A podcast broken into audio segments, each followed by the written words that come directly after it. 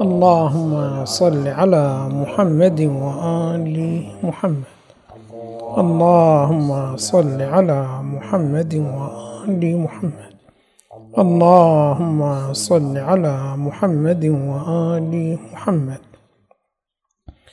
قال الإمام سلام الله عليه يا نور يا قدوس يا أول الأولين ويا آخر الآخرين اللهم اغفر لي الذنوب التي تهتك العصم. اللهم اغفر لي الذنوب التي تنزل النقم. اللهم اغفر لي الذنوب التي تغير النعم. اللهم اغفر لي الذنوب التي تحبس الدعاء. اللهم اغفر لي الذنوب التي تنزل البلاء. اللهم اغفر لي كل ذنب أذنبته وكل خط وكل خطيئة أخطأتها.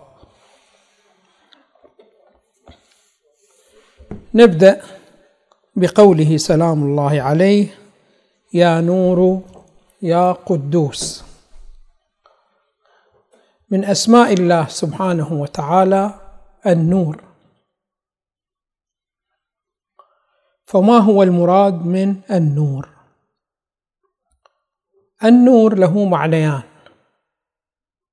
المعنى الأول هو المعنى الحسي وهو هذا النور. الذي شنو ماذا نشاهده. ويقال هكذا بأن النور هو الظاهر بذاته المظهر لغيره. فهو النور إذا أردت أن ترى جسم وما كان نور موجود يعني ظلمه فلا تستطيع أن ترى هكذا جسم. ولكن إذا أشعلت النور تستطيع أن ترى هذا الجسم.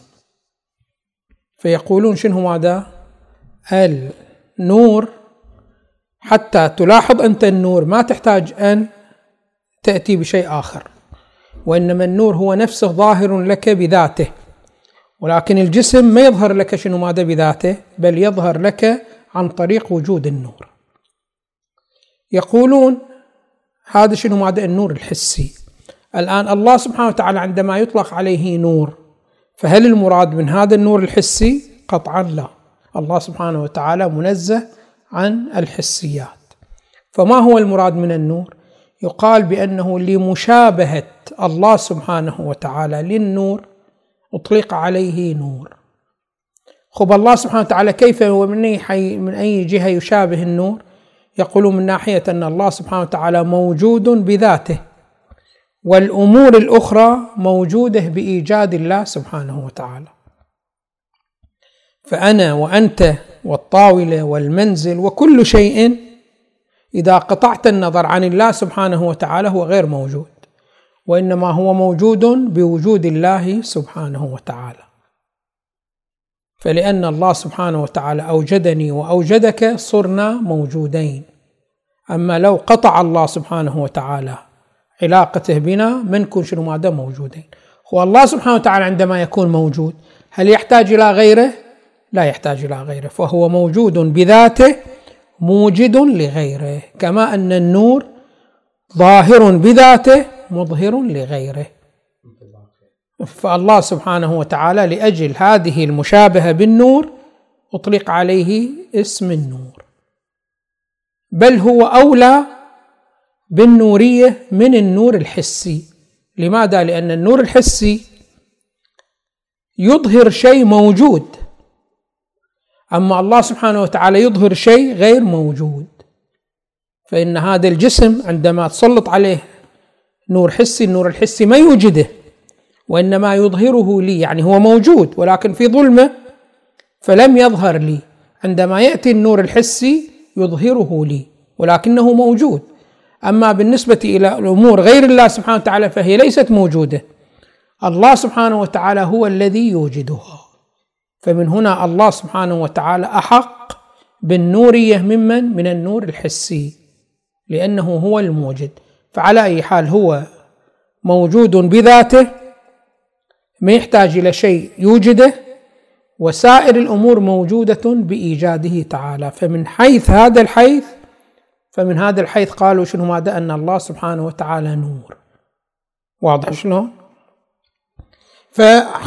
فالامام سلام الله عليه يخاطب الله سبحانه وتعالى ويقول يا نور. فمراده يا ظاهر بذاته يا مظهر لغيره. يا موجد لذاته يا موجد يا موجد بذاته موجد لغيره. تعالى هكذا معنى كلمة يا نور. الكلمة الثانية يا قدوس.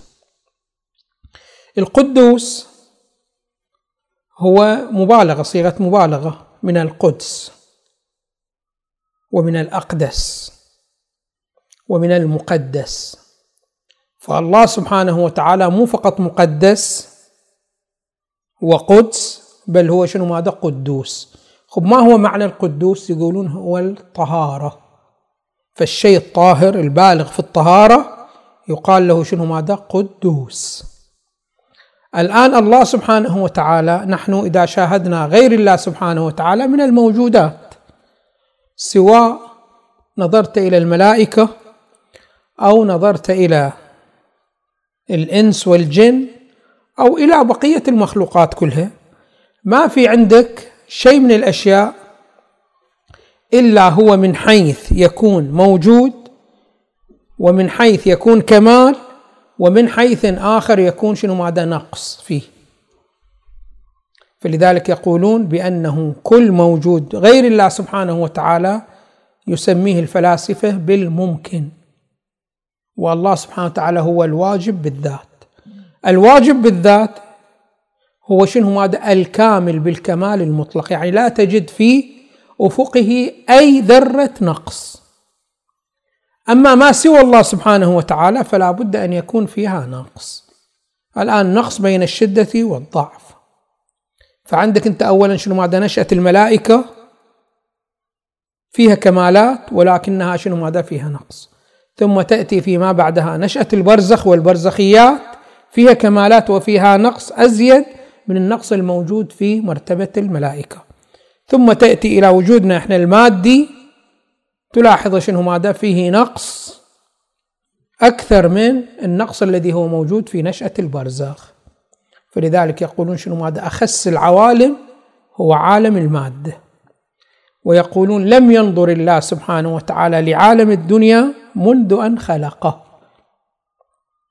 يعني هنا المراد شنو ماذا؟ أنه لم يعتني به عناية كعنايته بنشأة الملائكة وبنشأة البرزخ.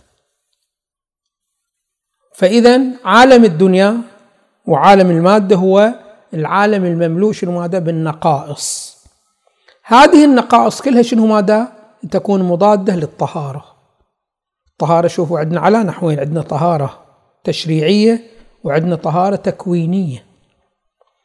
هنا ليست المراد من الطهارة الطهارة التشريعية التي ضدها يكون نجاسة.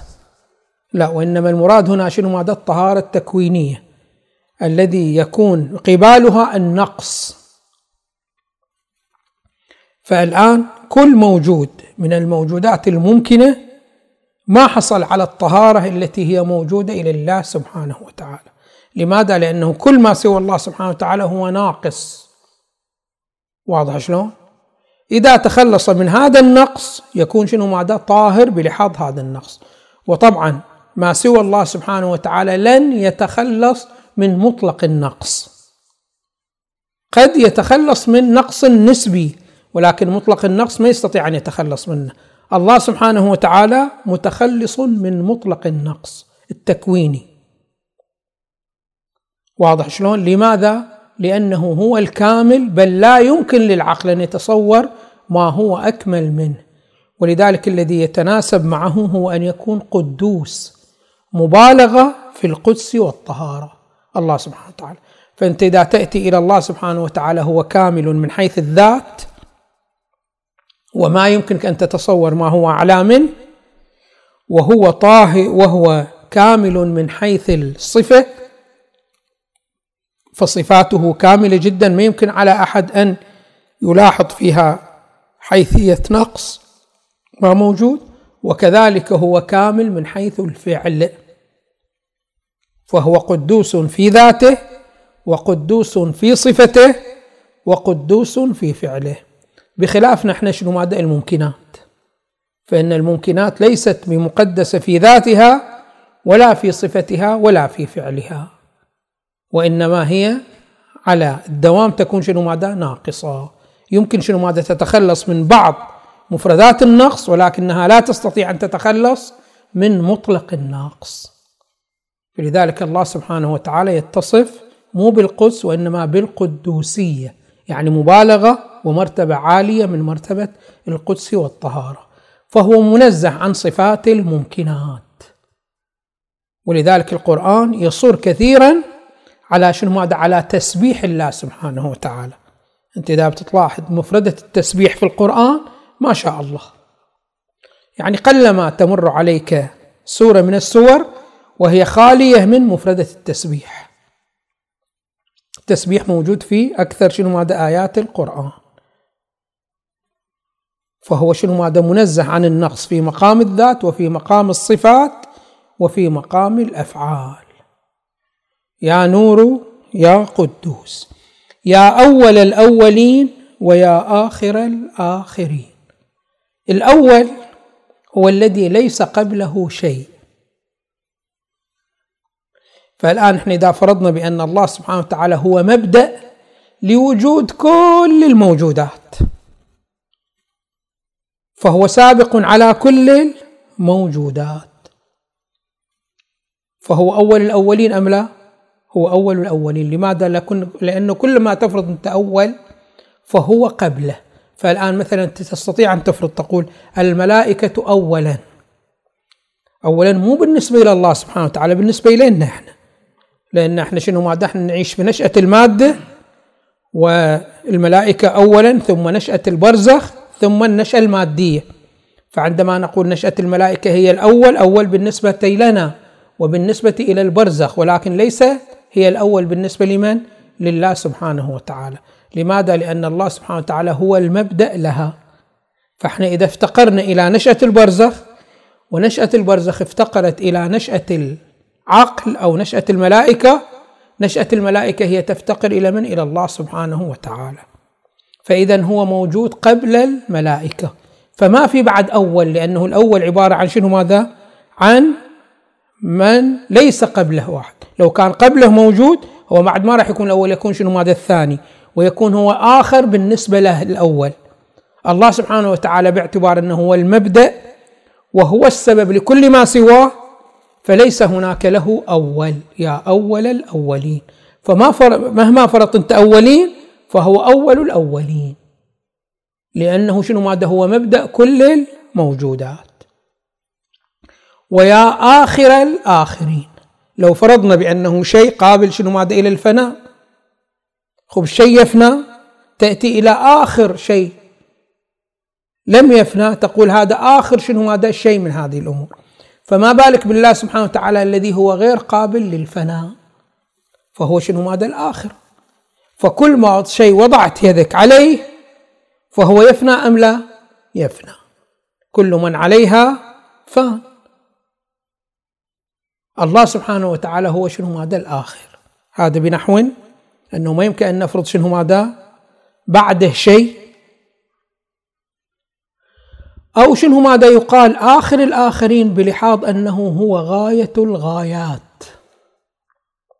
يقولون دائما عندما تأتي إلى فعل من الأفعال تريد أن تفعله عندك ثلاثة أشياء. أولا عندك شنو ماذا؟ فاعل الفعل. ثم عندك الفعل ثم عندك الغاية. الآن يقولون هكذا أنت إذا أردت أن تصنع الكرسي. يقولون اولا شنو ماذا تتصور الاستراحة؟ وتحس بحاجتك إلى الاستراحة. عند ذلك شنو ماذا تقوم بفعل الكرسي؟ ثم تجلس عليه فتتحقق الاستراحة عينا. فهنا عندك ثلاثة أمور. أنت ثم الفعل ثم شنو هذا الاستراحة. عادة الاستراحة شنو تكون؟ آخر شيء. هي الغاية. فإذا واحد سألك لماذا أنت تصنع الكرسي مباشرة تقول لأستريح عليه. فإذا الاستراحة هي عبارة عن غاية صنع الكرسي. خب الغاية شنو ماذا تكون متأخرة عن شنو ماذا عن الفعل. الآن الله سبحانه وتعالى يقولون هو غاية الغايات. يعني شنو ماذا غاية الغايات؟ يقولون أنت قد تصدر آه، تتصور شنو؟ ماذا؟ غاية من الغايات. يقول هذه الغاية إذا تأملت فيها فإنها شنو؟ ماذا؟ هي الله سبحانه وتعالى. لماذا؟ لأنه أنت الغاية عندما تقصد الغاية تقصدها بما هي ماذا؟ بما هي كمال أنت تطلبه أم لا؟ كمال أنت تطلبه. يعني الآن هذا الذي شنو؟ ماذا؟ يصنع الكرسي. هو يقول لك أنا أصنع الكرسي لأجلس عليه. إذا سألته ولماذا تجلس عليه؟ تقول لي أرتاح. تقول له ولماذا تريد أن ترتاح؟ تقول لأنه الراحة كمال. يعني الراحة إذا قيست إلى التعب أيهما هو المطلوب للإنسان؟ المطلوب للإنسان هو الراحة. لماذا الراحة هي المطلوبة والتعب غير مطلوب؟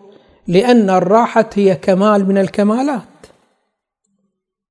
خب الكمال أساسا الكمال بما هو كمال راجع لمن؟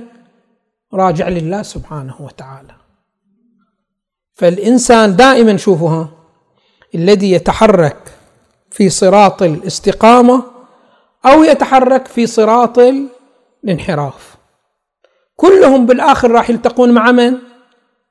مع الله سبحانه وتعالى لماذا؟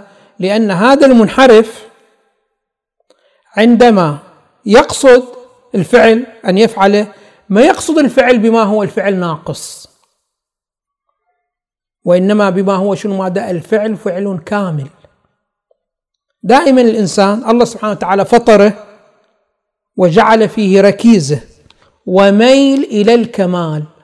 فلذلك يقولون حب الكمال أمر شنو؟ ماذا فطري. فأي فعل تفعله أنت المؤمن أو يفعله الفاسق؟ إنما يفعله بعد أن يمر بمقدمة أن هذا الفعل كمال لأنه يؤدي بي إلى الكمال. شوفوا هذا حتى الكافر الكافر عندما يقوم بفعل من الأفعال لابد أن يصور إلى نفسه جهة كمال ثم شنو ماذا يقصد؟ تحقيق هذه الجهة الكمال. الإنسان بما هو إنسان ما يقصد النقص بما هو نقص. يتبرأ من النقص بما هو نقص. ولكن يقصد الكمال بما هو كمال. فهو يعتقد بأنه كمال. الآن بغض النظر هل هو كمال في الواقع أم لا هي ما هي بحث آخر. ولكن هو عندما يقصده يقصده لأنه يتصور أنه شنو ماذا كمال. فيقصد هذا الأمر.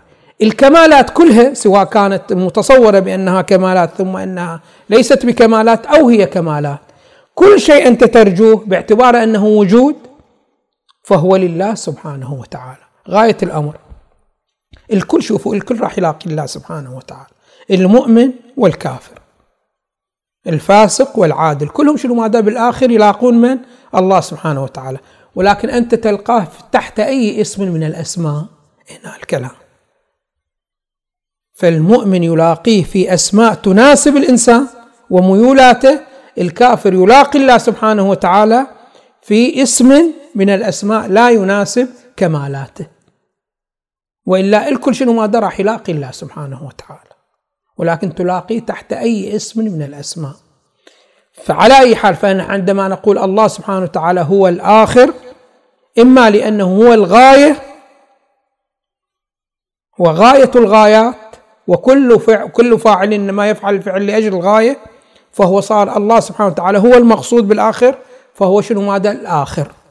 أو هو شنو ماذا؟ إذا فرضنا أن الأشياء قابلة إلى الفناء قابلة إلى التغير فهو الباقي والآخر. لا شنو ماذا؟ لا يتغير. اذا هو المقصود وهو غاية الغايات وهو الباقي وهو الآخر. بهذه الصورة وبهذا النحو. ثم يقول سلام الله عليه اللهم اغفر لي الذنوب التي تهتك العصم. هنا شنو ماذا يبدأ؟ بعد أن مدح الله سبحانه وتعالى إلى هنا يبدأ شنو ماذا؟ في سؤاله من الله سبحانه وتعالى.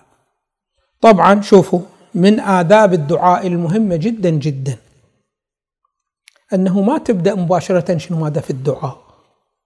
لا هذا مخالف لأدب الدعاء. قبل أن تأتي بالدعاء ائتي ببعض الأسماء. واثني بها على الله سبحانه وتعالى وامدحه على اتصافه بهذه الأسماء. ثم ابدأ شنو ماذا؟ في الدعاء. فهذا السلوكيات التي إحنا عندنا موجودة مباشرة تبدأ اللهم صل على محمد وعلى محمد. اللهم صل على محمد وعلى محمد. دعاء تطلب من الله سبحانه وتعالى أن يصلي على النبي. هذا شروع شنو ماذا؟ في الدعاء. يا أخي قبل ما هذا لا أقل قدم شنو ماذا؟ الحمد لله رب العالمين. لا أقل قدم شنو ماذا بسم الله الرحمن الرحيم. ها؟ إيه. أبدأ شنو ماذا اولا شنو ماذا بسم الله الرحمن الرحيم. إيه؟ وخصوصا أن الله سبحانه وتعالى بين إلينا وعلمنا هذا الشيء في سورة الحمد. بسم الله الرحمن الرحيم.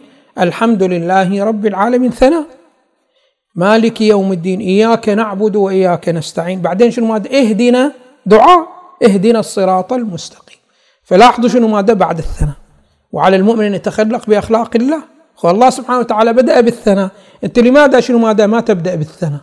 فعلينا دائما قبل الدعاء أن نبدأ شنو ماذا بالثناء على الله سبحانه وتعالى. كما فعل هنا أمير المؤمنين سلام الله وهكذا كل الأئمة سلام الله عليه لاحظوا الإمام زين العابدين سلام الله عليه في أدعيته. دائما يبدأ شنو ماذا بالثناء على الله سبحانه وتعالى. فلا تبدأ مباشرة شنو ماذا باللهم صل على محمد وآله فإن هذا دعاء ابدأ شنو ماذا؟ الثناء على الله سبحانه وتعالى وبذكر الأسماء مادحا لله سبحانه وتعالى. ويفضل أنه شنو ماذا؟ تذكر الأسماء التي لها علاقة بما بالطلب الذي تريده من الله سبحانه وتعالى وبدعائك من الله سبحانه وتعالى. فمثلا أنت عندما شنو ماذا؟ تطلب بأن ينصرك الله سبحانه وتعالى على الظالم. مو من المناسب أن تأتي به شنو ماذا؟ بالمدح عليه بعنوان شنو ماذا؟ الهداية. أو بعنوان شنو ماذا؟ الرزق. وإنما شنو ماذا؟ لا يأتي بأشياء شنو ماذا متناسبة مع هذا الفعل. مثلا يا قوي يا عزيز يا ناصر. واضح يا منتقم. وإلى آخره ثم أبدأ شنو ماذا؟ أطلب من عنده طلب شنو ماذا؟ النصرة. أو مثلا إذا شنو ماذا تطلب من عنده أن شنو ماذا يهديك فيأتي شنو ماذا بالأسماء المرتبطة بالهداية بالتسديد. هذه شنو ماذا؟ الأسماء. إذا شنو ماذا تطلب عنده رزق ائتي بالأسماء المتناسبة جدا شنو ماذا؟ مع كونه رازق. يا غني وإلى آخره من هذه الأسماء. فعلى أي حال شنو ماذا؟ جدا جيد. إذا بعد ضاقت عليك وما عندك شنو ماذا؟ لا تبدأ في الدعاء من غير ثناء. إثني الآن أي ثناء؟ سواء له علاقة بما تطلبه أم لا. ولكن لا تبدأ بالدعاء من غير ثناء. علينا أن نلتفت إلى هذه الأشياء. الآن أول طلب يطلبه الإمام سلام الله عليه اللهم اغفر لي الذنوب التي تهتك العصم. العصم هي عبارة عن شنو ماذا؟ عن المنعة. الإنسان إذا كان ممنوع أو هو يمنع نفسه من تعدي الآخرين فهو شنو ماذا ممتنع على الآخرين هو شنو ماذا معصوم. فتلاحظون أنتم الآن بعض الأشخاص يكون شنو ماذا بحيث الكل شنو ماذا يجي ويهينه يعتدي عليه. فما عنده منعة يمنع نفسه شنو ماذا عن الآخرين. فهذا غير ممتنع هو غير شنو ماذا معصوم الآن لماذا هذا غير معصوم؟ هناك كثير من الذنوب الذي يأتي بها الإنسان يعرضه لماذا؟ لأن تسلب منعته وتسلب شنو ماذا؟ عصمته. الآن شنو ماذا؟ ما هي الذنوب المرتبطة شنو ماذا؟ بهذه المفردة. يعني كيف يكون الإنسان معرض لأن تسلب عصمته وما يكون معصوم وممتنع شنو ماذا؟ بين الناس. الإنسان إذا تأمل يستطيع أن يكشف شنو ماذا هذه الذنوب مثلا أنت عندك شنو ماذا المزاح كثرة المزاح يجرئ الآخرين عليك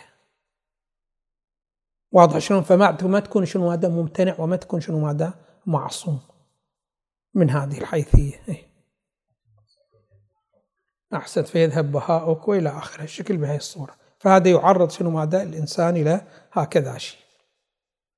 واحد شنو ماذا؟ من المسائل ومن الذنوب التي تذهب شنو ماذا؟ العصمة عدم دخولك في بعض المواقع ووقوفك بعض الوقفات من غير تهيئة المقدمات لها. مثلا أنت لست بعالم. تقوم شنو ماذا؟ مقام العلماء. فهذه سبب الآخرين شنو ماذا أن يتعرضون إليك شنو ماذا بالسخرية وبالاستهزاء. فأنت ما عندك شنو ماذا ما تمتنع به وتكون شنو ماذا تعصم شنو ماذا نفسك. ويمكن أن نحمل شنو ماذا العصمة على شنو ماذا على العصمة عن ارتكاب الخطأ. أيضا شنو ماذا من مشتقاتها معصوم يعني شنو ماذا ما يرتكب الخطأ.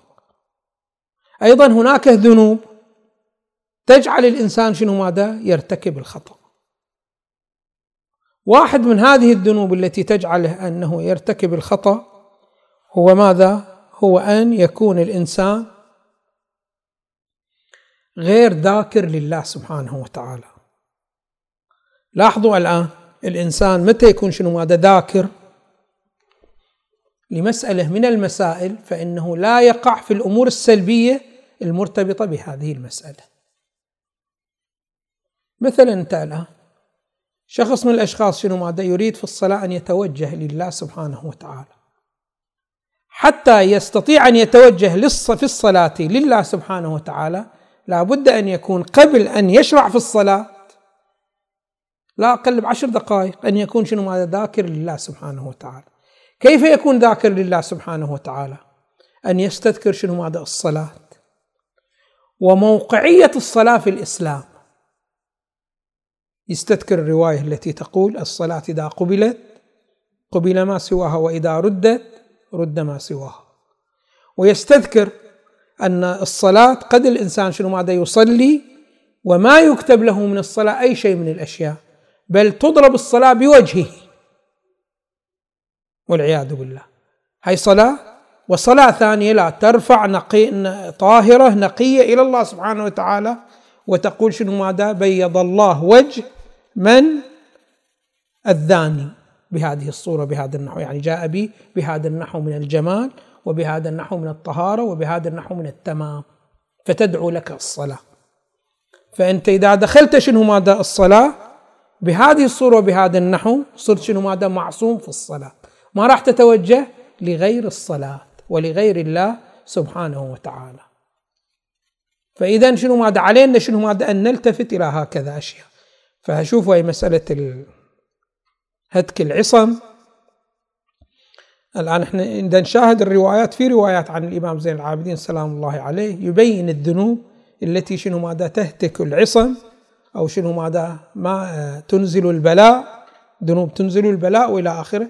ولكن ما هو من الواجب والضروري أن نقتصر فقط على الموارد التي ذكرها الإمام سلام الله عليه. وإنما هناك كثير شنو ماذا من أيضا من المعاصي التي هي بهذا النحو. يمكن أن تحقق هكذا أمر. وأيضا عندنا المسألة التي بعد هذه المسألة. اللهم اغفر لي الذنوب التي تهتك العصم. اللهم اغفر لي الذنوب التي تنزل النقم. الله سبحانه وتعالى تنزل النقم يعني تنزل الانتقام. شوف الله سبحانه وتعالى عندما يعصيه العبد العبد يختلف وهو يعصي الله سبحانه وتعالى من حالة إلى حالة.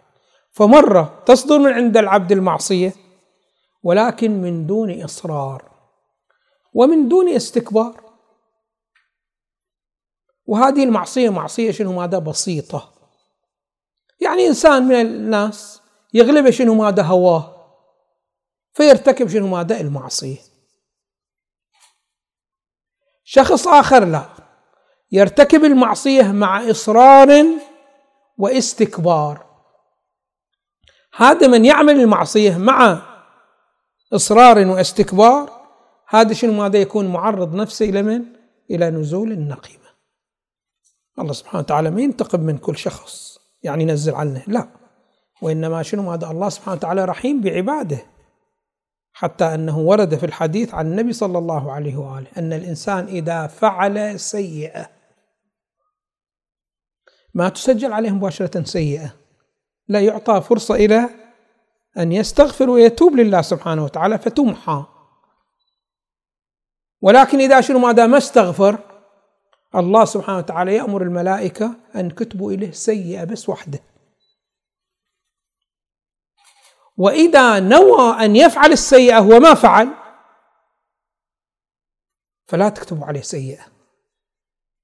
بخلاف شنو ماذا؟ الحسنة. الحسنة إذا نوى الحسنة ولم يفعلها يقول اكتبوا له حسنه وإذا نوى الحسنة وفعلها يقول اكتبوا له شنو ماذا؟ عشر حسنات. واضح شلون؟ فشوفوا الله سبحانه وتعالى جدا رحيم بعبده يشجع عبده على ماذا؟ على فعل الحسنات.